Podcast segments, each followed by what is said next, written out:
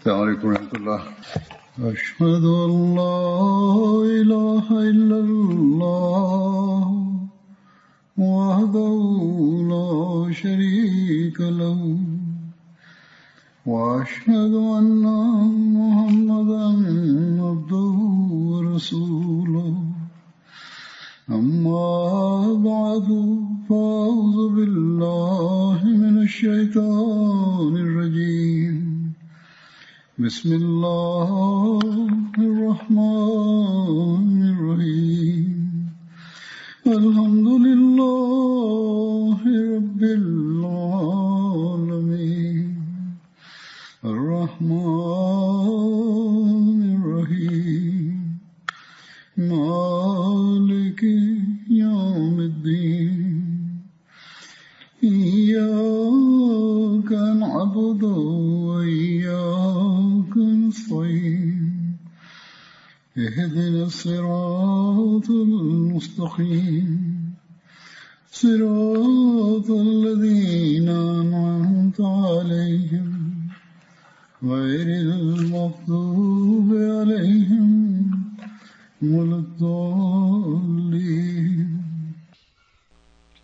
2024ခုနှစ်ဇန်နဝါရီလ12ရက်နေ့မှာ Hazrat Amirul Mu'minin Khalifatul Masih Al-Khamis Ayyadahullahu Ta'ala bin Nasr Aziz ပြစ်မခလီဖာတခင်ကြီးကပြည်တိုင်နိုင်ငံအစ္စလာမာဘ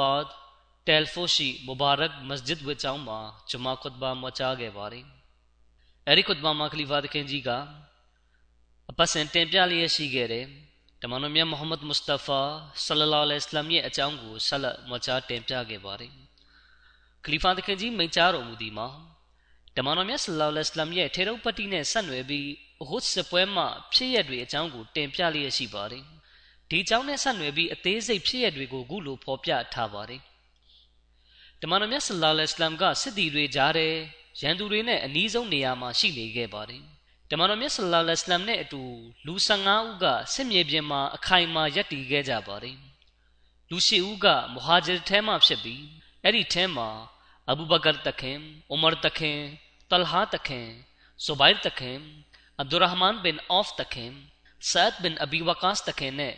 အဘူအိုဘာဒါဘင်ဂျရာတခင်တို့ပါဝင်ပါတယ်။ကျန်ခုနှစ်ဦးကအန်ဆာရဲကဖြစ်ပြီးအဲ့ဒီထဲမှာခိုဘာဘင်မွန်ဇစ်တခင်အဘူဒဂျာနာတခင် အာဆမ်ဘင်ဆာဘစ်တခင်ဟာရစ်ဘင်ဆင်မာတခင်ဆဟလ်ဘင်ခွန်ဟိုင်ဖ်တခင်နဲ့ဆာဒ်ဘင်မူအာစ်တို့ပါဝင်ပါတယ်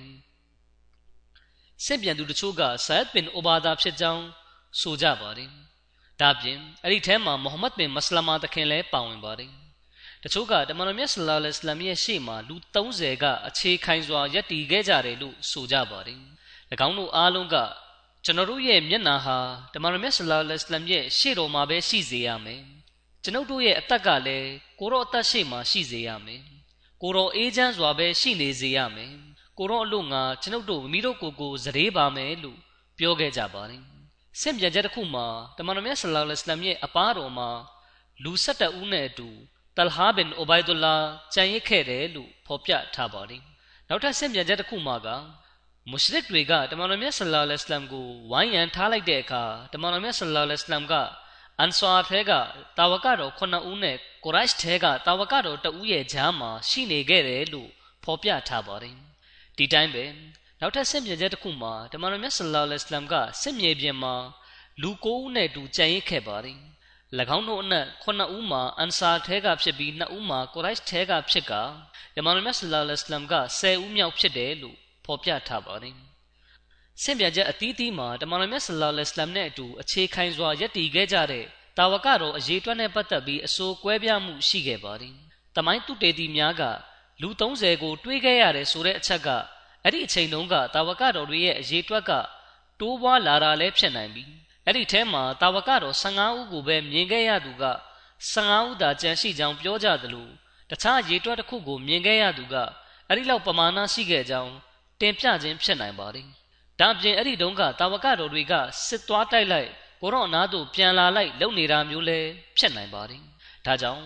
အရေးတွက်နဲ့ပတ်သက်ပြီးအဆိုကွဲပြားသွားတာမျိုးလည်းဖြစ်နိုင်ပါတယ်လို့ဆိုထားကြပါတယ်။ဒီကြောင့်နဲ့ပတ်သက်ပြီးအသေးစိတ်ဖော်ပြချက်ရှိထားပြီးဖြစ်တာကြောင့်ကျွန်တော်တို့ရဲ့အမြင်အရရခိုင်ခွတ်တဘာတွေမှာတင်ပြခဲ့ပြီးဖြစ်သလိုတာဝကတော်တွေဟာတမန်တော်မြတ်ဆလောလ္လဟ်အလัยဟ်ရဲ့အနားမှာလာရောက်စုယုံခဲ့ကြပါတယ်။ အဲဒီနောက်ရန်သူတွေနဲ့ရင်ဆိုင်တိုက်ခိုက်ရတာကြောင့်အစည်းပြေပြီးကစင့်ကလေးအားဖြစ်သွားခဲ့တယ်။ဒီနောက်ပြန်လဲစုယုံခဲ့ကြခြင်းဖြစ်ပါတယ်။မိတို့ဆိုစီ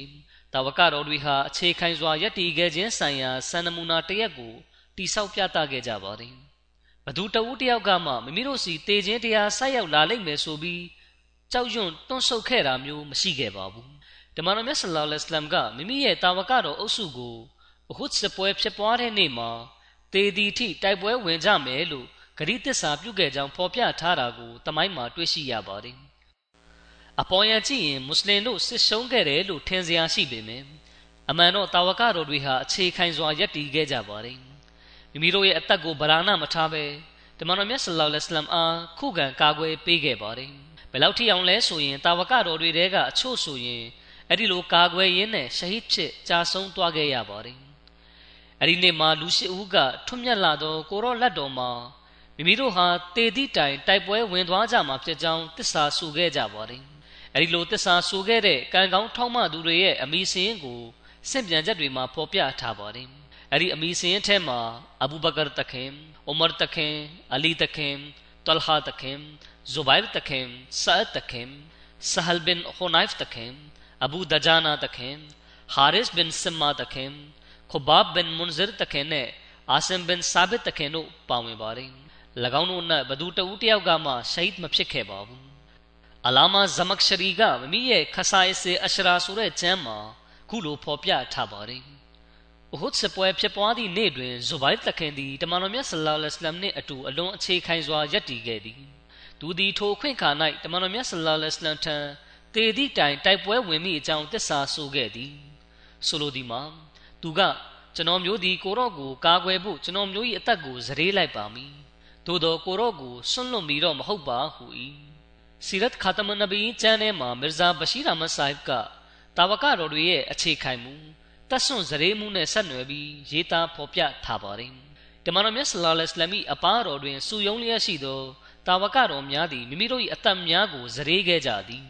တမိုင်းကယင်းနှင့်အလားတူဥပမာမျိုးကိုတင်ပြနိုင်လိမ့်မည်မဟုတ်ချေ၎ ၎င်းတို့သည်ပိုးဖလံများတဖွဲတမန်တော်မြတ်ဆလောလ္လဟ်အလัยဟိအနီးတစ်ဝိုက်တွင်လှည့်ပတ်ရဝဲလျက်ရှိနေကြသည်ထို့ပြင်၎င်းတို့သည်ကိုရော့အလို့ငါမိမိတို့၏အတန်များကိုဗရာဏမထားဘဲဇရေခဲ့ကြသည်ထိုတာဝကတော်များသည်ပြက်ခတ်လာသောမြားမှန်သမျှကိုရှေ့ကနေခုခံကာကွယ်လျက်ကိုရော့အားကယ်တင်ခဲ့ပြီးထိုတို့ခုခံကာကွယ်ရင်းနှင့်ရန်သူတို့အားတံပြန်ထိုးစစ်ဆင်တိုက်ခိုက်ခဲ့ကြသည်မီရဇာဘရှိရာမဆာဟစ်ကထတ်တိုးရေးသားပါတယ် အရေးအတွက်အနှဲငယ်မြသော ထိုတတ်ဆွန်စရေကြသူများသည်အရှိန်အဟုန်ပြင်းစွာရွေလျားနေသောကြောက်မက်ဖွယ်လိုင်းလုံးကြီးများရှေ့ဝဲမိသည့်အချိန်ထိတောင့်ခံနိုင်ပါမည်နီရန်သူတို့၏အပြင်းထန်ထိုးနှက်တိုက်ခိုက်မှုလိုင်းတဘိုးသည်မွတ်စလင်တို့အားတနေရာမှတနေရာသို့တွန်းထုတ်တဲဆောင်သွားလျက်ရှိနေခဲ့သည်သို့သောအစိမ်နှဲငယ်ရော့ကျတည်ငြိမ်သွားသောအခါအကူကဲမဲ့နေသောမွတ်စလင်တို့သည်တံပြန်ထိုးနှက်တိုက်ခိုက်လိုက်အခြေအနေဆိုးလာလျင်မိမိတို့၏အချစ်တော် ကိုတော်သခင်အနားတွင်တွားရောက်စုယုံလိုက်ရှိနေခဲ့ကြသည်တချို့ခါများတွင်အဘယ်မျှအန်တရဲများသောထိုးနှက်တိုက်ခိုက်မှုနှင့်ရင်ဆိုင်ခဲ့ရသနည်းဟုမူဓမ္မတော်မြတ်ဆလ္လာလဟ်အလัยဟ်တအူရီသာကြံတော့သည့်အခြေအနေသို့ရောက်သွားခဲ့လေသည်ထို့သောဖြင့်အခိုက်အတန့်တစ်ခုတွင်ကိုရော့အနာတာဝကတော်၁၂ပါးသာကြံရှိတော့သည့်အခြေအနေမျိုးလဲဆက်ရောက်သွားခဲ့သည်တချို့ခါ၌ကိုရော့အနာတွင်တာဝကတော်နှစ်ပါးသာလျှင်ကြံတော့သည့်အခြေအနေမျိုးနှင့်လဲကြုံရသည် ထိုတဆွန်ဇရေသူများတွင်အဘူဘကာတခင်အလီတခင်တလဟာတခင်ဇူဘိုင်တခင်ဆာဒ်ဘင်အဘီဝကာစ်တခင်အဘူဒဂျာနာအန်ဆာရီတခင်ဆာဒ်ဘင်မူအာစ်တခင်တလဟာအန်ဆာရီတခင်စသူတို့၏အမိကို အထူးတလဲဖော်ပြထားပေသည်ခလီဖာတခင်ကြီးမိန့်ကြားပါတယ်ဒီအထောက်ထားအဖြစ်တမန်တော်မြတ်ဆလောလ္လဟ်အလိုင်းအနားမှာရှိခဲ့တဲ့တာဝကတော်တွေရဲ့အရေးအတွက်ကွဲပြားမှုနဲ့ပတ်သက်ပြီးရှင်းလင်းသွားခဲ့ပါတယ် အထက်မှာကျွန်တော်တင်ပြခဲ့သလိုပဲတိုက်ခိုက်မှုအခြေအနေပေါ်မူတည်ပြီးတခါတရံကိုတော့နားမှာလူအများပြားရှိသလိုတခါတရံအရေးအတွက်အနှဲငယ်သာကြန့်ရှိတော့တာဖြစ်ပါတယ်တမန်တော်မြတ်ဆလ္လာလဟ်အလัยဟ်ပေါ်ခရိယန်တွေပြုတဲ့ဝေဖန်စောရကတစ်ခုကိုပြန်လည်ဖြေချတုံ့ပြန်လျက်မစီမောဒလအစ္စလမ်တခင်မိန့်ကြားတော်မူပါတယ်တခင်ကြီးကခရိယန်တွေရဲ့မမမကန်ဆွဆွဲပြောဆိုချက်ကိုပြန်လည်ဖြေချတုံ့ပြန်ခဲ့တာဖြစ်ပါတယ်တခင်ကြီးမိန့်ကြားတော်မူပါတယ်ကျွန်ုပ်တို့၏ခေါင်းဆောင်သခင် ထွတ်မြတ်ကြီးကျယ်တော်မူသောအရှင်းတမန်တော်၏မြင့်မားသောစံနမူနာကိုဤနေရာ၌တွေ့ရှိရပေသည်ယင်းမှာကအသင်တို့၏ယေရှုသည်ပရိယေအတိတ်ပဲနှခွထွက်သောစကားများကိုမိခင်တို့၏ပမာတောက်သုံးကဘဝတစ်လျှောက်လုံးပြောဆိုသုံးနှုံသွားခဲ့သည်သို့သောဓမ္မတော်မြတ်ဆလ္လာလဟ်အလัยဟ်ကမူအတတ်နိုင်ဆုံးထို့သောသောပြောဆိုခြင်းမှရှောင်ရှားရန်မိန့်ကြားတော်မူခဲ့သည်အဘိဓမ္မာကအနက်ပေးတဲ့ တောရိယာပရိယေဆိုတဲ့စကားလုံးရဲ့အတိတ်ပဲကစိတ်ထဲမှာတမျိုးထားပြီးနှုတ်ကနေတမျိုးပြောခြင်းဖြစ်ပါတယ်ဆိုလိုတာက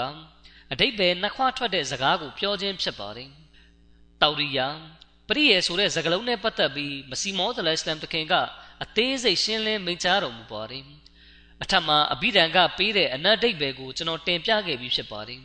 တခင်ကြီးကအခုလိုမိန့်ကြားတော်မူပါတယ် ပြဿနာဖြစ်ပွားချိန်၌တစုံတရာကိုကြောက်ရွံ့နေခြင်းအားဖုံးကွယ်ရန်အတွက်၎င်းသို့မဟုတ်ပရိယေစင်လျက်ပြုတ်ဝတ်ချက်ကိုထိန်ချန်ဖုံးကွယ်ထားရန်ရည်ရွယ်ချက်ဖြင့်၎င်းမိမိစကားကိုဉာဏ်ပညာရှိသူတို့သာနားလည်နိုင်ပြီးပညာမဲ့များနားမလည်နိုင်အောင်အတိတ်ပဲနှခွဖြစ်စေသောဥပမာများပေးကာတစားစင်လျက်ပြောဆိုခြင်းဖြစ်သည်ဆိုလိုတာကမူသားပြောခြင်းလည်းမဖြစ်အောင် ပြောလိုတဲ့အစစ်မှန်သဘောကဘာလဲဆိုတာ ဉာဏ်ပညာရှိသူတို့သာနားလည်နိုင်မဲ့အတိတ်ပဲအမျိုးမျိုးထွက်စေတဲ့စကားကိုပရိယေဆင်ပြီးပြောခြင်းဖြစ်ပါတယ်ပြောတဲ့စကားကိုပညာမဲ့တွေနားမလည်နိုင်အောင်တခြားဘက်ကိုတွေးမိအောင်ပြောဆိုခြင်းဖြစ်ပါတယ်မစီမောဒလအစ္စလမ်တခင်ကဟာဒီစ်တော်များအဖြစ်သိရှိရသည်ကဤသည်မြတ်မာသောတက္ကဝတရားနှင့်ဆန့်ကျင်ဘက်ဖြစ်သည်လို့မိန့်ကြားတော်မူခဲ့ပါတယ်မစီမောဒလအစ္စလမ်တခင်ကဒီအကြောင်းကိုအသေးစိတ်ရှင်းလင်းစွာမိန့်ကြားထားပါတယ်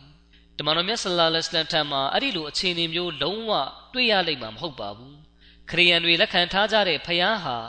အသေးအဖွဲကိစ္စလေးတွေမှာကအစအဲ့ဒီလိုပြောဆိုမှုတွေပြုခဲ့တယ်ဆိုပြီးသခင်ကြီးကမိန့်ကြားခဲ့ခြင်းဖြစ်ပါတယ်မိတို့ဆိုစေဒီအကြောင်းနဲ့ပတ်သက်ပြီးမစီမောသလစလမ်သခင်ကအသေးစိတ်မိန့်ကြားတော်မူပါတယ်တမန်တော်မြတ်ဆလ္လာလဟ်အလัยဟ်ကယင်းမှတတ်နိုင်သမျှရှောင်ကျဉ်လျက်နေရန်အမိန့်ပေးထား၏ဒို့အဖြစ်စကားဤဆိုလိုရင်းအတိတ်ဘယ်က အပြင်ပန်းအရာပင်မူသားစကားမျိုးမဖြစ်စေရန်ဒီသို့သောအသင်တို့၏ယေရှုခရစ်တော်ကအမှန်တရားကိုဥထိပ်ပန်ဆင်၍မိတို့ပြောရမည်မိတို့ရေးရမည်ကို ထိုတို့စနစ်တကျစီစဉ်နိုင်ခဲ့ပါသလိုဖျားသခင်ထံတော်မှလာသောပုဂ္ဂိုလ်ဖြစ်ကြောင်းကြွေးကြော်သူသည်ဘဝတစ်လျှောက်လုံးတွင်အတိတ်ပဲနှခွဖြစ်စေသောမူသားစကားများကိုသုံးဆွဲပြောဆိုမိအစားခိဟောက်သောရှင်သစ်ပမာလောကသို့ကြွားမြန်းလာတဲ့ပေသည်ထို့ပြင် စကားတိုင်းကိုမူသားတွင်ဆောင်ကာပြောခြင်းအဖြစ်မိမိသည်ဖျားသခင်အရှင်မြတ်အားယုံပုံအားထားပြီးလျင်တေခြင်းတရားကိုအရေးမဆိုင်ပဲရန်သူတို့နှင့်ထိတ်တိုက်ရင်ဆိုင်ဝင့်သောပြီးပြည့်စုံသောမဟာလူသားအနတ်မှမဟုတ်ကြောင်းတတ်သေးပြလိုက်သလိုဖြစ်သွားလေသည်ဆိုလိုတာက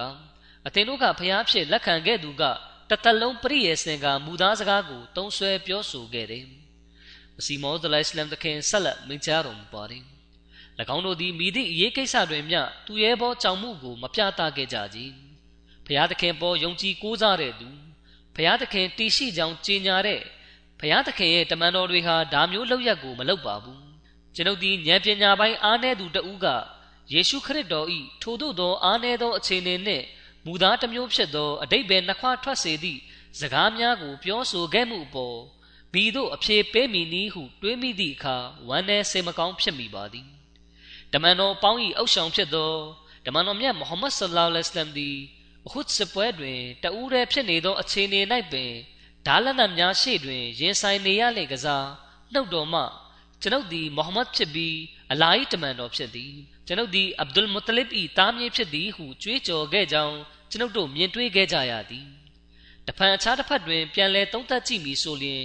အသင်တို့၏ယေရှုခရစ်တော်သည်ကြောက်ရွံ့ဆိုးရင်လျက်မိမိတပည့်နောက်လိုက်များကို ဖြစ်ရမှန်နှင့်ဆက်ကျင်ပြီးကျွန်ုပ်သည်မစီနှင့်ယေရှုဖြစ်ကြောင်းမိသူကိုမျှမပြောနှင့်ဟုတွင်တင်ခဲ့သည်တကယ်ဆိုလျင်ထိုစကားကိုပြောယုံမျှဖြင့်မိသူကမျှသူ့ကိုတတ်လိုက်မိမဟုတ်ချေအိုးရှင်မြတ်ထိုပုဂ္ဂိုလ်သည်လည်းတမန်တော်တစ်ပါးဖြစ်သည်တမန်တော်တစ်ပါးဟုခေါ်ခံထိုက်သူတဦး၏ရဲစွမ်းတတ္တိသည်ဖျားသခင်၏လမ်းတော်၌အဘယ်သို့ရှိသည်ကိုမြင်၍ကျွန်ုပ်သည်အံ့ဩမဆုံးနိုင်ဖြစ်ခဲ့ရပါသည်ခလီဖာသခင်ကြီးမိန့်ကြားပါသည် ဒီနေရာမှာမစီမောသလိုင်စလမ်သခင်ကြီးကမိမိအံ့ဩကြောင့်ပြောဆိုခြင်းမှာတမန်ကျမ်းမှာဖော်ပြထားတဲ့ယေရှုအကြောင်းကိုထောက်ပြပြောဆိုခြင်းမျှသာဖြစ်ပြီးသခင်ကြီးကယေရှုကိုတမန်တော်မဟုတ်ပါဘူးလို့ပြောခြင်းတဲ့သဘောမဟုတ်ပါဘူးသတခင်ကြီးကအသင်တို့ဖျားဖြစ်၎င်းဖျားသားတော်ဖြစ်၎င်းလက်ခံထားကြတဲ့အသင်တို့ရဲ့ကြမ်းထဲမှာဖော်ပြချက်အရာသူ့ရဲ့အခြေအနေကဘယ်လိုရှိခဲ့သလဲ ဒီလိုရှိတာတော့တင်တို့ကတမန်တော်မြတ်ဆလောလ္လဟ်အလัမ်ကိုမူသားပြောခဲ့တယ်သူရဲဘောကြောင့်မှုကို ပြသခဲ့တယ်ဆိုပြီးဝေဖန်စောရကပြုရသလားလို့မိန့်ကြားခြင်းဖြစ်ပါတယ်အစ်ဘနအစ်ခါကရေးပါတယ်ကာဖာမြေုံချီသူများကတမန်တော်မြတ်ဆလောလ္လဟ်အလัမ်အားဝိုင်းရန်လိုက်သည့်အခါတမန်တော်မြတ်ဆလောလ္လဟ်အလัမ်ကမန်ရဂျူလွမ်ယရှရီလနာနဖ်ဆာမိသူသည်ကျွန်ုပ်တို့အလို့ငါမိမိအသက်ကိုစွန့်ပါမိနည်းဟုမိန့်ကြားတော်မူ၏ထိုအခါတွင်ဇီယာဒ်ဘင်ဆကန်က အန်ဆာရီတာဝကတော်၅ဦးနှင့်အတူမတ်တက်ရလိုက်လေသည်စင်ပြန်သူတို့ကထိုသူမှာအိုမာရာဘင်ယဇီဒ်ဘင်ဆကန်ဖြစ်သည်ဟုဆိုကြသည်၎င်းတို့သည်တမန်တော်မြတ်ဆလောလ္လဟ်အလိုင်းရှေ့တော်မှောက်တွင်မိမိတို့၏တူရတတ္တိကိုပြသလျက်တအူးပြီးတအူးရှဟီဒ်ဖြစ်ကြာဆုံးလေသည်နောက်ဆုံးတွင်ဇီယာသို့မဟုတ်အိုမာရာကဒဏ်ရာအမြောင်များရသည့်အထိဆက်လက်တိုက်ခိုက်လျက်ရှိခဲ့သည်ထို့နောက်တွင်မွတ်စလင်စစ်တပ်ကြီးပြန်လှည့်လာခဲ့ပြီး ဓမ္မတော်မြတ်ဆလောလ္လဟ်အလိုင်းအနာသို့လာနေကြသောမုရှရစ်တို့အားအဝေးသို့တွန်းထုတ်ခဲ့လေသည်ထို့နောက်တွင်ဓမ္မတော်မြတ်ဆလောလ္လဟ်အလိုင်းကဇီယာဒ်ဘင်ဆကန်ကိုငါစီခေါ်လာခဲ့ဟုမိန့်တော်မူသည်ဇီယာဒ်ဘင်ဆကန်ကိုကိုရောထံသို့ခေါ်လာခြင်းတွင်သူသည်နောက်ဆုံးထွက်သက်အချိန်ဖြစ်သည်ဓမ္မတော်မြတ်ဆလ္လာလဟ်အလัยဟ်ကသူ့အားကျွန်ုပ်အနာသို့ခေါ်လာပါဟုမိန့်ရာတာဝကတော်များကကိုရောအနာသို့တိုးပေးလိုက်သည်ဓ မ္မတော်မြတ်ဆလ္လာလဟ်အလัยဟ်ကဇီယာဒ်ဘင်ဆကန်ဘတ်ကိုခြေလန်းလာရာဇီယာဒ်ကမိမိမျက်နာကိုကိုရောခြေထောက်ပေါ်တင်ထားလိုက်သည်ထို့သောဖြင့်ဇီယာဒ်သည်ဓမ္မတော်မြတ်ဆလ္လာလဟ်အလัยဟ်ခြေထောက်ပေါ်တွင်မိမိပါးကိုတင်လျက်သားရှိသည့်အနေအထားဖြင့်ကွယ်လွန်သွားခဲ့လေသည်သူ၏ခန္ဓာကိုယ်ပေါ်တွင်ဓာတန်ရာ14ချက်ရခဲ့သည်ဟဇရတ်မီဇာဘရှိရမဆာဟစ်ကအခုလိုတင်ပြပါတယ်တခါတွင်ကိုရိုက်တို့၏ဆန့်ကျင်မှုလှိုင်းတဘိုးထကြွလာသည့်အခါ ဓမ္မတော်မြတ်ဆလ္လာလဟ်အလัยဟ်ကအလလန်တော်တွင်မိမိအသက်ကိုဇရေမိသူမိသူရှိသည်ဟုမိန့်တော်မူ၏အန်ဆာရီတဦးကထိုတန်ကိုကြားသောအခါသူနှင့်အတူနောက်ထပ်အန်ဆာရီ6ဦးကရှေ့သို့အပြေးလှမ်းလာလေသည်၎င်းတို့နှင့်တဦးချင်းစီသည်ကိုရော့အနီးတွင်ကိုရော့အားကာကွယ်ရင်းဖြင့်အသက်ပေးဇရေသွားခဲ့ကြသည်ထိုအဖွဲ့၏ခေါင်းဆောင်မှာဇီယာဒ်ဘင်ဆကန်ဖြစ်သည်ဤတိုက်ခိုက်မှုအပြီးတွင်တမန်တော်မြတ်ဆလ္လာလဟ်အလัยဟ်အမိန့်ပေးတော်မူ၏ဆိုလိုသည်မှာ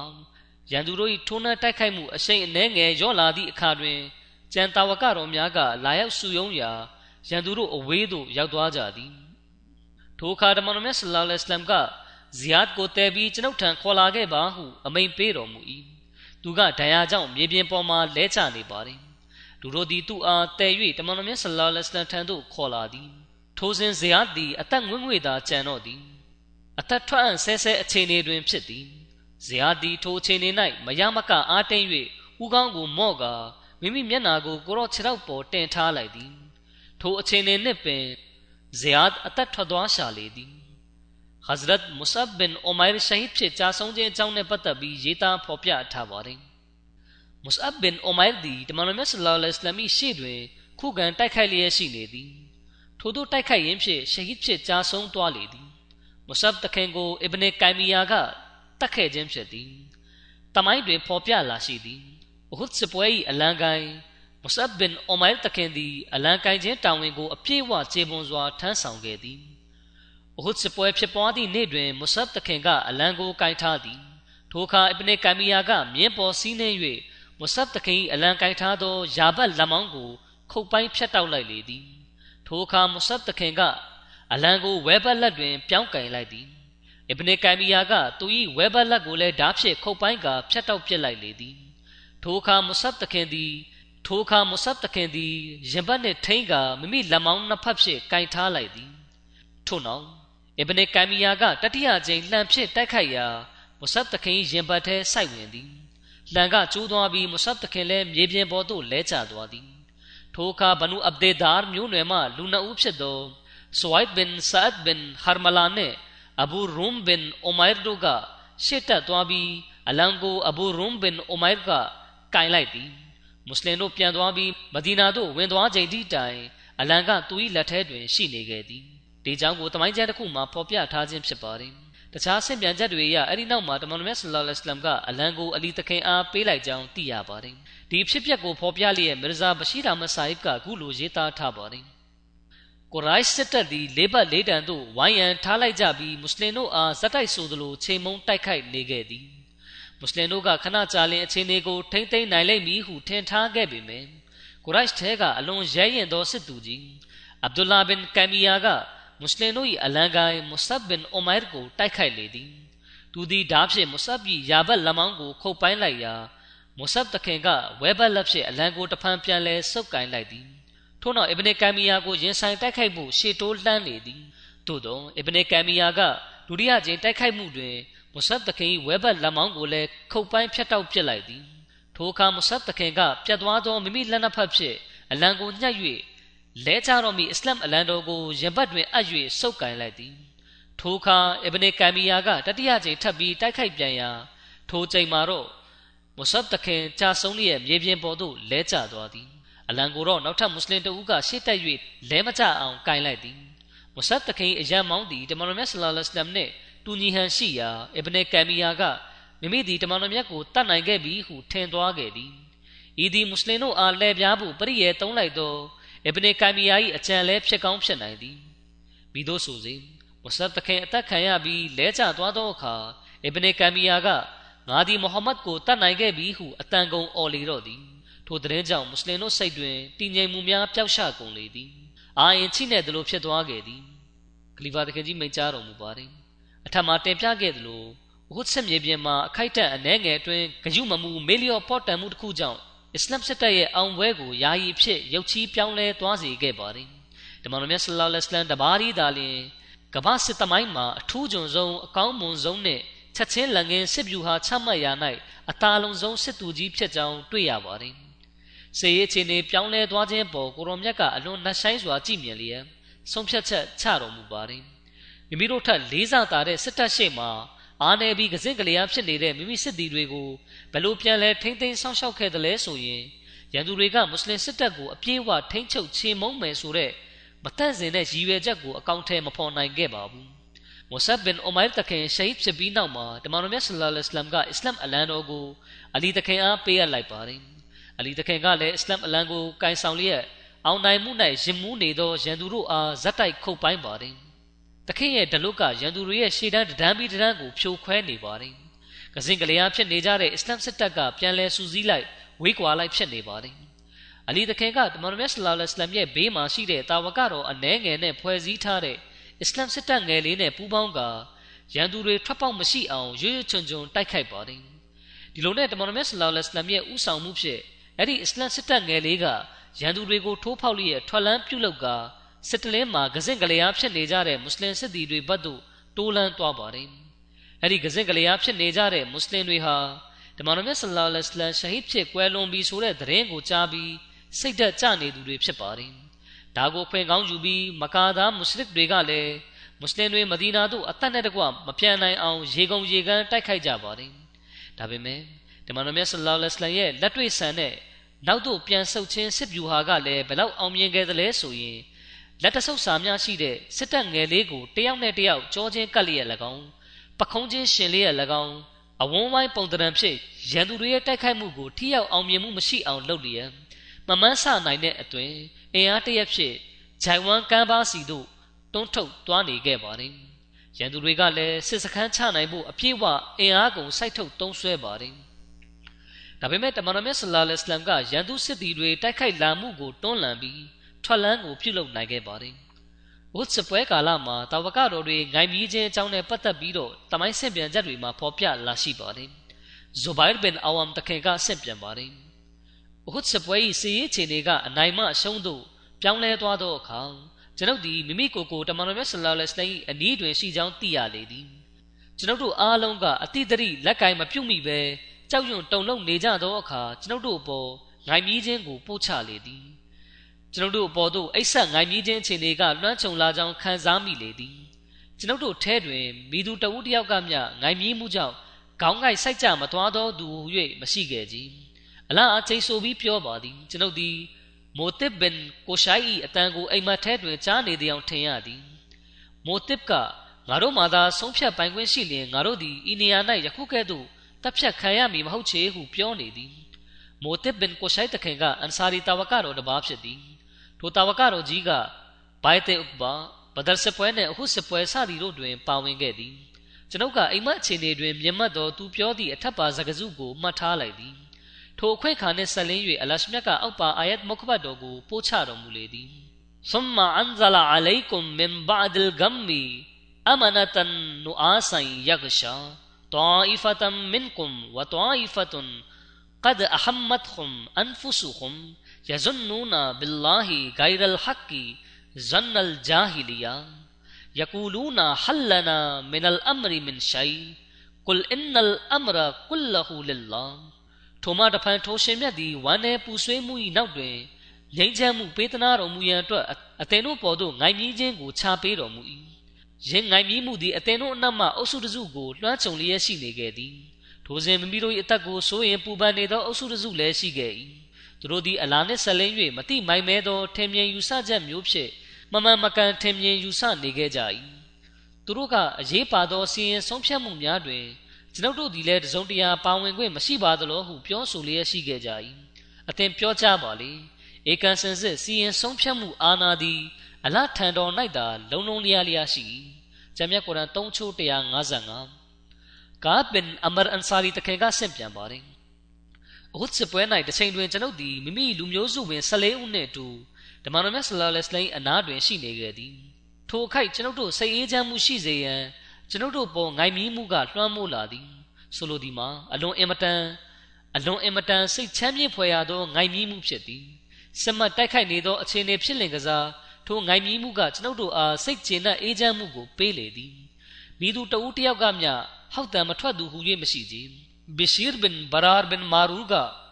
လက်တွင်ကင်ထားသောဒလွတ်ကြကမြေပြင်ပေါ်သို့လဲကျသွားသည်ဒလွတ်ကျသွားသည်ကိုပင်သူသတိမထားမိကြအမှန်ဆိုသောရန်သူမုရှရစ်တို့ကကျွန်ုပ်တို့ဘက်သို့ခြိတက်လာနေကြခြင်းဖြစ်သည်အထက်ဖော်ပြပါအာယတ်မုခဘတ်တော်ကိုရှင်းလင်းဖွင့်ဆိုလျက်ဇရူဒခလီဖတ်တူလ်မစီကခုလိုရေးပါတယ်။ငိုင်မြီးမှုလွှမ်းမိုးလာသည့်အတွက် လက်ထဲတွင်ကင်ထားသည့်ဒလုတ်ကလွတ်ကျသွားသည်မှာဖြစ်နိုင်သည်။မိတို့ဆိုစေဤအာယတ်တွင်နူအားဆိုသည့်စကားလုံးကိုအသုံးပြုထားသည်။အမနတန်နူအားဆန်ဆိုသည့်စကားစုကိုရှုထောင့်အမျိုးမျိုးမှဘာသာပြန်အသီးသီးဖြင့်ပြန်ဆိုနိုင်သည်။ယင်းစကားစု၏အနှစ်ချုပ်အတိတ်ဘယ်မှာဝမ်းနဲ့ပူဆွေးမှုကြားရောက်ပြီးနောက်တွင်အသင်တို့ပေါ်သို့ငိုင်မြီးမှုဟုခေါ်ဆိုနိုင်သောအရာတက်ရောက်ခဲ့သည်သို့မဟုတ်ငြိမ်းချမ်းမှုအတိပြီးသောအိဆက်ငိုင်မြီးမှုတစ်ခုကိုပေးသနာခဲ့သည်သို့မဟုတ် အိဆက်ငိုင်မြီးမှုကဲ့သို့သောတက်ရောက်မှုမျိုးကိုအသင်တို့ပေါ်သို့ပို့ချခဲ့သည်သို့မဟုတ်အိဆက်ငိုင်မြီးမှုထဲတွင်အပါဝင်ဖြစ်သောအရာကိုပေးသနာခဲ့သည်ဟု၍ဖြစ်သည်အမနတန်နူအာဆန်ဆိုသည်မှာငိုင်မြီးမှုဖြစ်ပေါ်လာပြီးခေါင်းငိုက်ဆိုင်ကြသွားခြင်းကိုလည်းခေါ်ဆိုပေသည်သို့သောဤနေရာတွင်နိုအားစီအတိတ်ဘယ်မှာထိုကဲ့သို့ငိုင်မြီးခြင်းကိုခေါ်ဆိုသည်မဟုတ်အမှန်အဖြစ်ယင်းမှာအိဆက်ငိုင်မြီးခြင်းနှင့်နိုးချခြင်း၏ကြားကခံစားချက်အခြေအနေတရက်တာဖြစ်သည် အိဆက်ငိုင်မြီးမှုမဖြစ်ခင်ဥစွာကိုရင်ကအစိတ်ပိုင်းအလုံးငြိမ်းချမ်းမှုအတိကိုခံစားကြရသည်ထိုသည့်အလွန်နှဆိုင်သောစိတ်ကျေနပ်ငြိမ်းချမ်းမှုကထိုတိုင်းပင်မပြတ်မစဲခန္ဓာကိုယ်အစိတ်ပိုင်းများပေါ်တွင် လွှမ်းခြုံတည်ရှိနေမည်ဆိုလျှင်ရင်းကအိဆက်ငိုင်မြီးမှုအသွင်ကိုပြောင်းလဲသွားပေသည်ထိုချိန်နေမျိုးတွင်လူသားကလမ်းလျှောက်နေရင်ရုပ်ချီလဲကျသွားမည်မဟုတ်ပဲမလဲကျခင်ရိမ့်ထိုးလိမ့်မည်ထိုအခါ၎င်းက မိမိသည်မိတို့သောအခြေအနေသို့ရောက်ရှိနေကြောင်းကိုသိရှိပေလိမ့်မည်အိတ်ဆက်ငိုင်မြီးမှုပေါ်ပေါက်လာပြီးဆိုရင်တော့မိမိကိုယ်ခန္ဓာစိတ်ပိုင်းများပေါ်မိတို့သောထိမ့်ချုပ်နိုင်စွမ်းများမရှိတော့ကြမိတို့ဆိုစေဘီရှီရ်ဘင်ဘာရာတခင်ကထိုချိန်တွင်အလွန်အိမ်မောချမှုမျိုးလွှမ်းခြုံသွားခြင်းဖြစ်နိုင်သည်စစ်ပွဲအခြေအနေဖြစ်လင်ကစားငြိမ်းချမ်းမှုအတိပြီးသောအခြေအနေ၌ရှိပြီးလဲကျသွားသည်မှာမှန်သည်ဟုယူဆလျင်လက်ထဲကဓားကိုမြဲအောင်မကင်နိုင်တော့ဘဲ လွတ်ကျသွားသည်မှာလည်းဖြစ်နိုင်ခြေရှိပါသည်မိတို့ဆိုစီထိုအခြေအနေတွင်မိမိဖြစ်ပျက်နေသည့်အခြေအနေကိုထောက်ရှုပြီးမိမိသည်အလွန်အိမ်မောချတော့မည်ဆိုသည်ကိုချက်ချင်းသိရှိနိုင်ပါသည်ထိုအခါလူသားကချက်ချင်းပင်နိုးချလာရပါသည်တို့ဖြစ်ရာအလရှမြတ်မိန်တော်မူသည်မှာငါတို့သည်အသင်တို့အားငြိမ်းချမ်းမှုကိုပေးသနာရန်ငိုင်မြည်ခြင်းနှင့်အလားတူသောအရာကိုအသင်တို့ပေါ်ချပေးတော်မူခဲ့သည်ထိုငိုင်မြည်မှုကအသင်တို့အားငြိမ်းချမ်းမှုပေးတော်လဲအသင်တို့အား အချီးနှီးအတုံးမဝင်ဖြစ်အောင်တော့မပြုလုပ်ကြအဘူတလဟာကဆက်ပြန်သည်ရင်ကိုဘုခါရီကျမ်းထဲမှာဖော်ပြထားသည်အခုစစ်ပွဲတွင်စစ်ဖြစ်ပွားနေချိန်မှာပင်ကျွန်ုပ်တို့အားငိုင်မြည်ခြင်းကလွှမ်းခြုံလိုက်သည်ကျွန်ုပ်လက်ထဲကဓာလွတ်ချမလို့ဖြစ်နေချိန်ကျွန်ုပ်ကလွတ်မချအောင်ထိမ့်လိုက်သည်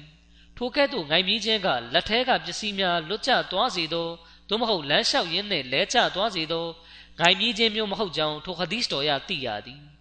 လဲကြကာနီးတွင် မိမိတို့ကိုယ်ကိုထိမ့်လိုက်နိုင်သည်ဆိုလိုသည်မှာထိုသည့်ငိုင်မြီးခြင်းနှင့်တူသောຢာကရုတ်တရက်သူ့အလိုလျောက်လာရောက်သည်မဟုတ်ဘဲယင်းမှာတာဝကတော်များပေါ်အချိန်ကာလတစ်ခုထိလွှမ်းခြုံနေသောခံစားချက်အခြေအနေတစ်ခုဖြစ်သည်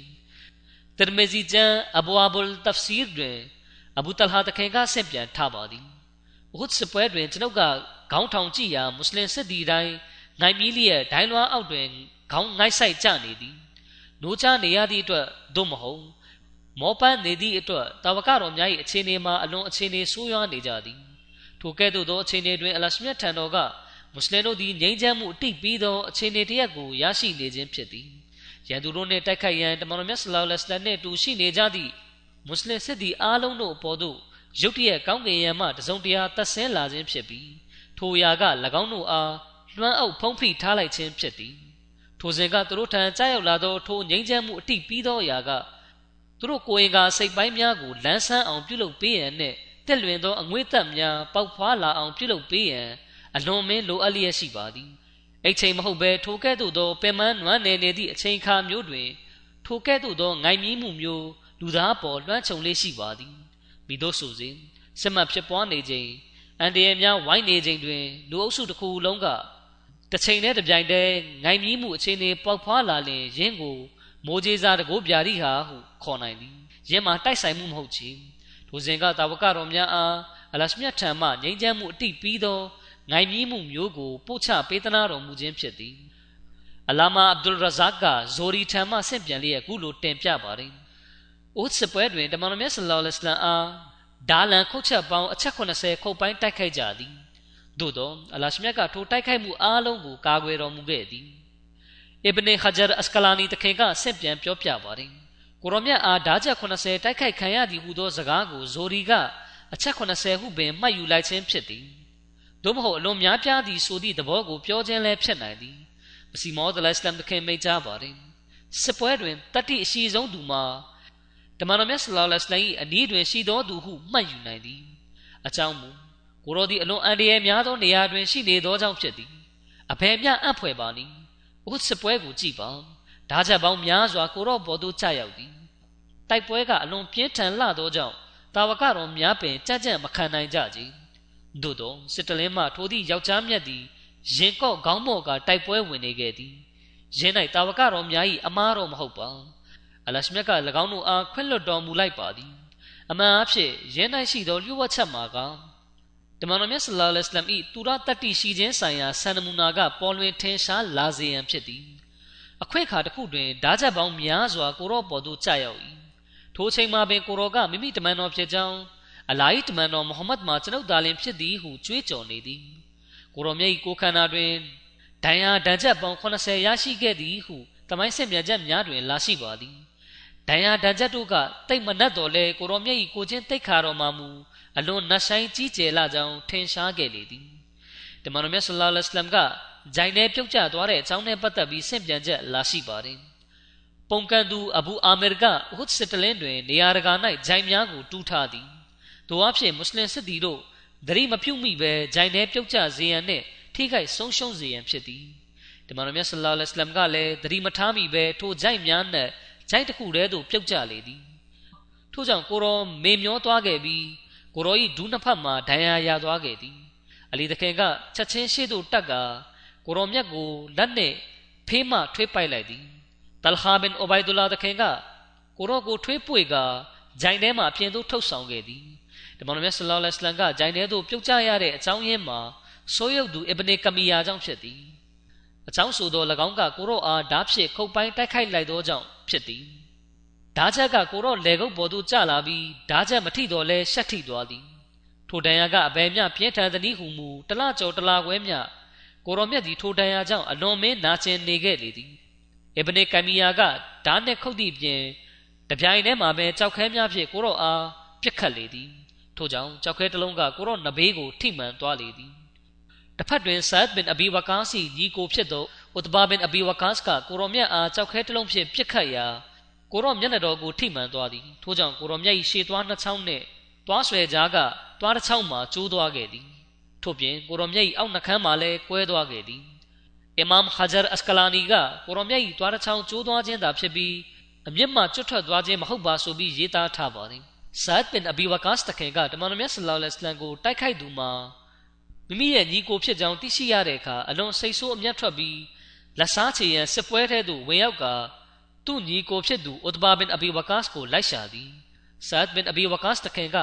အဲ့ဒီချိန်တုန်းကဥတဘာကိုကိုရော့အတွက်လက်စားချေတပ်ဖြတ်ရန်အဘယ်မျှလိုလားတောင်းတနေသလဲဆိုရင်ကဘာပေါ်မှာဒီထက်ပိုပြီးကျွန်ုပ်လိုလားတောင်းတတဲ့အရာမရှိတော့ဘူးဆိုပြီးပြောပါတယ်ဒါပေမဲ့ဥတဘာကဆတ်ကိုလှည့်စားဖျားယောင်းကထွက်ပြေးလွတ်မြောက်သွားပါတယ်ဒါပေမဲ့ဆတ်တခင်ကနောက်သို့ပြန်လှည့်လာပြီးဥတဘာကိုထပ်မံရှာဖွေပါတယ်ဒါပေမဲ့လည်းအခါတိုင်းမှာလှည့်ပြားလျက်လွတ်မြောက်နေစေဖြစ်ပါတယ်တတိယကြိမ်မြောက်ရှာဖွေတိုက်ခိုက်မှုလုပ်တဲ့အခါတမန်တော်မြတ်ဆလ္လာလဟ်အလัยဟ်ကအိုးလာဤစေတော့ သင်ကအသက်သေးခံဖို့ဆန္ဒရှိနေသလားဆိုပြီးပြောပါတယ်ဆတ်တခင်ကတမန်တော်မြတ်ဆလ္လာလဟ်အလိုင်းကတားဆီးသောကြောင့်ကျွန်ုပ်လည်းဥဒဘာကိုလိုက်ရှာပြီးမတတ်တော့ဘဲရပ်တန့်လိုက်တယ်ဆိုပြီးပြောပါတယ်ဆာဒ်ဘင်အဘီဝကာစ်တခင်ကဥဒဘာနဲ့ဆန့်ကျင်ပြီးခုလိုဒွါဆူတောင်းခဲ့ပါတယ်အလ္လာဟ်မာလာယဟူလူအလိုင်ဟီလ်ဟောလူဟတ်တာယမူတာကာဖီရန်အိုလာရှင်မြတ်သူ့အားတနေ့အတွင်းမှာပင်ကာဖာမယုံကြည်သူအဖြစ်နဲ့သာတေဆုံးစေပါ အလရှမြတ်ကဆာတခင်ရဲ့ဒွါဆူတောင်းကိုဘယ်လိုလက်ခံခဲ့တယ်လဲဆိုရင်ဆာတခင်ဒွါဆူတောင်းတဲ့နေ့မှာပဲဟာတစ်ဘင်အဘီဘလတာတခင်ကဥတဘာကိုတပ်ဖြတ်ခဲ့ပါတယ်ဟာတစ်တခင်ကပြောပြပါတယ်ကျွန်ုပ်ကဥတဘာဘင်အဘီဝကာစီဆက်ဆုပ်စရာကောင်းသောထိုလောက်ရက်ကိုမြင်သည်နှင့်ချက်ချင်းပင်တမန်တော်မြတ်ဆလ္လာလဟ်အလัยဟ်အားကိုရောဥတဘာဘယ်သွားလိုက်ပြီလဲဟုမေးလျင်ကိုရောကဥတဘာထွက်သွားသောဘတ်သို့ညွှန်ပြသည် ကျွန်ုပ်ကလည်းချက်ချင်းပင်ဥတဘာနောက်သို့လိုက်သွားပြီးတနေရာတွင်သူ့ကိုတွေ့သွားသည်ထို့ကြောင့်တမဟုတ်ချင်းမှာပင်ကျွန်ုပ်ကဥတဘာကိုဓာတ်နှင့်ခုတ်ပိုင်းလိုက်ရာသူ့ဦးခေါင်းပြတ်ထွက်ပြီးအခြားတစ်ဖက်မှာတွားကြသည်ကျွန်ုပ်ကရှေ့သို့တက်လျက်သူ၏ဓားနှင့်မြင်းကိုတိမ့်ပိုက်လိုက်သည်ထိုအရာနှစ်ခုကိုယူလျက်ကိုရော့ထံသို့ရောက်ရှိလာသည်ဥဒဘာတက်ခံလိုက်ရကြောင်းတရင်ကိုကြားလျက်ကိုရောမြတ်ကရဒီအလာဟူအန်ကာရဒီအလာဟူအန်ကာ အလာအသင်အားကျင်းနဲ့တတ်တော်မူပြီးဟု၍နှစ်ကြိမ်မိန့်ကြားလေသည်ခလီဖာတခင်ကြီးမိန့်ကြားပါတယ်အဲ့ဒီတိုက်ခိုက်မှုကြောင့်ကိုရောမြတ်ရဲ့တန်ကောင်းစုကလည်းကျိုးပဲ့သွားခဲ့ပါတယ်ရန်သူတွေရဲ့ဒဇက်တိုက်ခိုက်မှုကြောင့်ကိုရောမျက်နှာတော်ကလည်းဒိုင်ယာနာတရဖြစ်သွားခဲ့ပါတယ်နှခမ်းကွဲသွားခဲ့ပါတယ်ကိုရောမျက်မျက်နှာတော်ကိုတိုက်ခိုက်တဲ့လူတွေထဲကတဦးကအဗ်ဒူလာဘင်ရှီအာဘင်ဇိုရီဖြစ်ပါတယ်သူကနောက်ပိုင်းမှာအစ္စလမ်သာသနာကိုလက်ခံခဲ့ပါတယ်ကျန်တဲ့ပိုင်းကိုနောက်ခါမှာဆက်လက်တင်ပြပါမယ် ဂျမာနမတ်ဝတ်ပြုပြီးတဲ့နောက်မှာဂျနာဇာနမတ်ကိုဝတ်ပြုပါမယ်အခုကွယ်လွန်သူတွေအကြောင်းကိုတင်ပြလိုပါတယ်ကွယ်လွန်သူပထမပုဂ္ဂိုလ်ကအဘူခီလ်မီမိုဟမ္မဒ်အိုကာရှာဆာဟစ်ဖြစ်ပါတယ်သူကပါလက်စတိုင်းနိုင်ငံကဖြစ်ပါတယ်သူကိုလွန်ခဲ့တဲ့ရန်အနေငယ်ကရဲရဲဆက်ဆက်တပ်ဖြတ်လိုက်တာဖြစ်ပါတယ်အင်နာလ illah ဝအင်နာအီလိုင်ဟီရာဂျီအွန်သူ့ရဲ့ရုပ်လောင်းကိုသူ့အိမ်နဲ့အနေငယ်အကွာဝေးလောက်မှာလမ်းပေါ်မှာလဲကျနေရနဲ့တွေ့ခဲ့တာဖြစ်ပါတယ်သူကအလွန်ရိုးသားဖြူစင်တဲ့အာမဒီတူဖြစ်ပါတယ် သူ့မှာသား9ယောက်သမီး9ယောက်နဲ့မြေးမြင့်33ယောက်ကြံရိတ်ခဲ့ပါတယ်သူနဲ့ဆက်သွယ်လို့မရခဲ့ကြောင်းသူ့မြေးတွေထဲကတယောက်ကပြောပါတယ်အစ္စရေးကခိတအပြစ်ခတ်ရဆဲလိုက်ချိန်မှာအဘူခီလ်မီဆပ်ကိုသူ့မိသားစုဝင်တွေကလိုက်ရှာကြပါတယ်ဒါပေမဲ့သူကအိမ်မှာမရှိပါဘူးနောက်ဆုံးမှာသူ့အိမ်နဲ့မီတာရာချီကွာမှာသူ့ရဲ့ရုပ်လောင်းကိုတွေ့ခဲ့ရပါတယ်သူ့ခေါင်းကိုတနက်နဲ့ပြစ်ခတ်ခံရပြီးကွယ်လွန်သွားခြင်းဖြစ်ပါတယ်သူက ဂါဇာမြို့သားတယောက်ကိုလည်းအကူအညီပေးခဲ့ပြီးအာမဒီယတ်ကိုလက်ခံလာအောင်ပြုလုပ်ဆွမ်းဆောင်ခဲ့ပါတယ်သူကကျမ်းမြတ်ကုရ်အာန်နဲ့ပတ်သက်ပြီးအတွင်းမြင်အယူဆမျိုးမျိုးကိုရှင်းပြပါတယ်သူကစာအုပ်တုပ်ကိုရေးသားနေခဲ့ပါတယ်သူကစာကြည့်တိုက်လုပ်လို့ရအောင်သူ့အိမ်ကိုတိုးချဲ့မယ်လို့စိတ်ကူးထားပါတယ်။အဲဒီစာကြည့်တိုက်မှာဂျမတ်ကစာအုပ်တွေကိုလည်းထားရှိမယ်လို့စဉ်းစားထားပါတယ်။ဒါပေမဲ့သူကအာမဒီဖြစ်တဲ့အတွက်သူ့မိသားစုကသူ့ကိုဖိနှိပ်ညှဉ်းပန်းကြတာကြောင့်သူ့ရဲ့အဲ့ဒီဆန္ဒရည်ရွယ်ချက်ကလည်းမပြည့်မြောက်ခဲ့ပါဘူး။ သူကဂျမတ်ကစာအုပ်စာပေတွေကိုအမြဲမပြတ်လေ့လာဖတ်ရှုနေတတ်သူတဦးဖြစ်ပါတယ်။သူဟာဘဝမှာအခက်အခဲတွေကြုံတွေ့ခဲ့ရပေမယ့်လူတိုင်းကိုပျော်ရွှင်လျက်ကျင်နာစွာဆက်ဆံတတ်သူဖြစ်ပါတယ်။သူကအာမဒီယတ်ကိုလက်ခံပြီးနောက်မှာသူ့ပတ်ဝန်းကျင်ကလူတွေကိုအာမဒီယတ်ရဲ့သတင်းစကားကိုဖြန့်ချီခဲ့ပါတယ်။ဒီအတွက်အချို့ခါတွေမှာသူဟာအခက်ခဲတွေနဲ့လည်းရင်ဆိုင်ရပါတယ်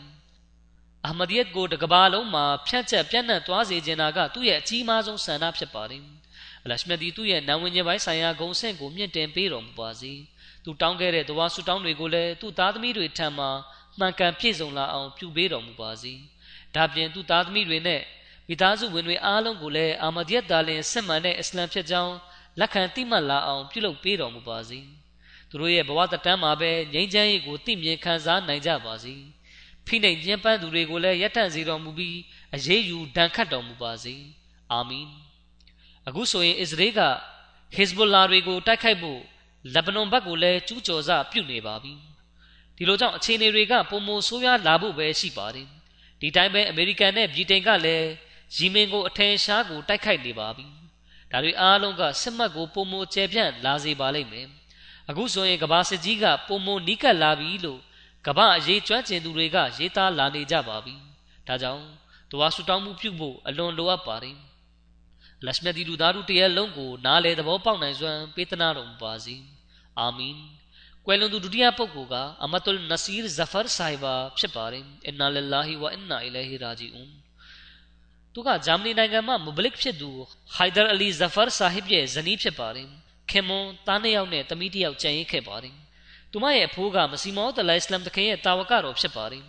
သူမရဲ့ခင်မွန်ကနိုင်ငံရဲ့ချမ်းမှာသာသနာအလုပ်ကျွေးပြုနေသူဖြစ်တာကြောင့် ခင်မွန်နဲ့၁၂နှစ်ကြာခွဲခွာနေခဲ့ရပါတယ်ဒီလိုရှိပေမဲ့လည်းသူမကဘယ်တော့မှကြီးတွားခဲ့ခြင်းမရှိပါဘူးသူမကအလွန်ဖြူစင်သရာတရားရှိသူဖြစ်ပါတယ်ပုံမှန်၅ချိန်နမတ်ကိုဝတ်ပြုသူနေ့စဉ်ကျမ်းမြတ်ကုရ်အာန်ကိုရွတ်ဖတ်တရေစေသူဖြစ်ပါတယ်လူတိုင်းကိုလည်းကူညီတတ်သူဖြစ်ပါတယ်ကွယ်လွန်သူတတိယပုဂ္ဂိုလ်ကနဆီမ်အခတာဆိုင်ဘာဖြစ်ပါတယ်အင်နာလ illah ဝအင်နာအီလိုင်ဟီရာဂျီအွန်သူမကခဘီဘူလာကာဟလွန်ဆာဟစ်ရဲ့ဇနီးဖြစ်ပါတယ် သူမမှာတား6ယောက်နဲ့တမီး2ယောက်ကျန်ရစ်ခဲ့ပါတယ်သူမရဲ့တမီးတစ်ယောက်ကကွယ်လွန်သွားပါပြီအဲ့ဒီသမီးကကြံခဲ့တဲ့သားသမီးတွေကိုနဆီမ်အခတာဆိုင်ဘာကအကောင်းဆုံးပြုစုစောင့်ရှောက်ခဲ့ပါတယ်သူမရဲ့သားလေးယောက်ကဝက်ဖေဇန်တဂီတွေဖြစ်ပါတယ်သူမရဲ့သားတစ်ယောက်ကမူဘလစ်ဖြစ်ပြီးလစ်ဗျားနိုင်ငံမှာတာဝန်ထမ်းဆောင်နေပါတယ်ဒါကြောင့်မိခင်ရဲ့ဂျနာဇာကိုမတက်ရောက်နိုင်ခဲ့ပါဘူးသူမဟာဘာသာရေးပညာကိုအတော်လေးခုံမင်းသူဖြစ်ပါတယ်ဂျမတ်နဲ့ခလာဖတ်ကိုလည်းအလွန်ချစ်မြတ်နိုးသူဖြစ်ပါတယ် ငါးချိန်နမတ်ကိုပုံမှန်ဝတ်ပြုသူဖြစ်ပါတယ်လာမည့်ရမ်ဇန်မှာကျမ်းမြတ်ကုရ်အာန်ကို၄ချိန်၅ချိန်ပြီးအောင်ရွတ်ဖတ်နိုင်သူဖြစ်ပါတယ်မူဘလစ်ဖြစ်တဲ့သူ့သားကိုအမေဘဲခါပဲမဆိုကွယ်လွန်သွားသည်ဖြစ်စေတာဝန်ကိုလွတ်ပြီးမလာရဘူးလို့မှားထားခဲ့ပါတယ်ကွယ်လွန်သူစရုပ်ထပုဂ္ဂိုလ်ကမဘာရကာဘေကန်ဆိုင်ဘာဖြစ်ပါတယ်အင်နာလ illah ဝအင်နာအီလိုင်ဟီရာဂျီအွန်သူမကဘရှိရာဘတ်ပြည်နယ်နေရရှိတာမဆာဟစ်ရဲ့ဇနီးဖြစ်ပါတယ်သူမရဲ့ဖခင်မတဆင့်သူမတို့မိသားစုမှာ အာမဒီယတ်ရဲ့မျိုးစေ့ကြခဲ့ခြင်းဖြစ်ပါတယ်သူမကငါးကြီးနမတ်ဝပြုသူဂျမတ်တွက်ကိုကျိုးမဖတ်ပဲအခန်းကဏ္ဍအသီးသီးကနေတာဝန်ထမ်းဆောင်ခဲ့သူဖြစ်ပါတယ်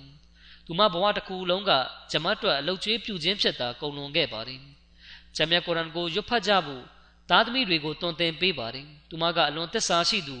ယုံကြည်စိတ်ချရသူဖြစ်ပြီးအမျိုးသမီးအတော်များများကသူမရဲ့လက်ဝတ်ရတနာတွေကိုသူမထံမှာအနံထားလေးရှိပါတယ် သူမကအဆင့်မြင့်တဲ့ကိုချင်းတိတ်ခါတွေကိုပိုင်ဆိုင်ထားသူဖြစ်ပါတယ်သူမမှာခင်မွန်သားတစ်ယောက်နဲ့သမီး၅ယောက်ကြံရစ်ခဲ့ပါတယ်သူမရဲ့တမန်၂ယောက်ကမိုဘလစ်တွေဖြစ်ပြီးအာဖရိကနိုင်ငံတွေမှာတာဝန်ထမ်းဆောင်လျက်ရှိပါတယ်ဒါကြောင့်သူတို့နှစ်ဦးရဲ့ဇနီးနှစ်ယောက်ကလည်းခင်မွန်တွေနဲ့အတူအာဖရိကမှာရှိနေတဲ့အတွက်မိခင်ရဲ့ဂျနာဇာကိုမတက်ရောက်နိုင်ခဲ့ပါဘူး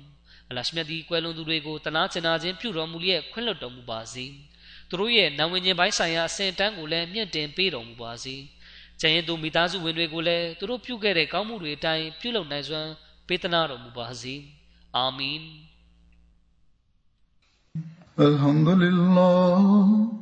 الحمد لله نحمده ونستعينه ونستغفره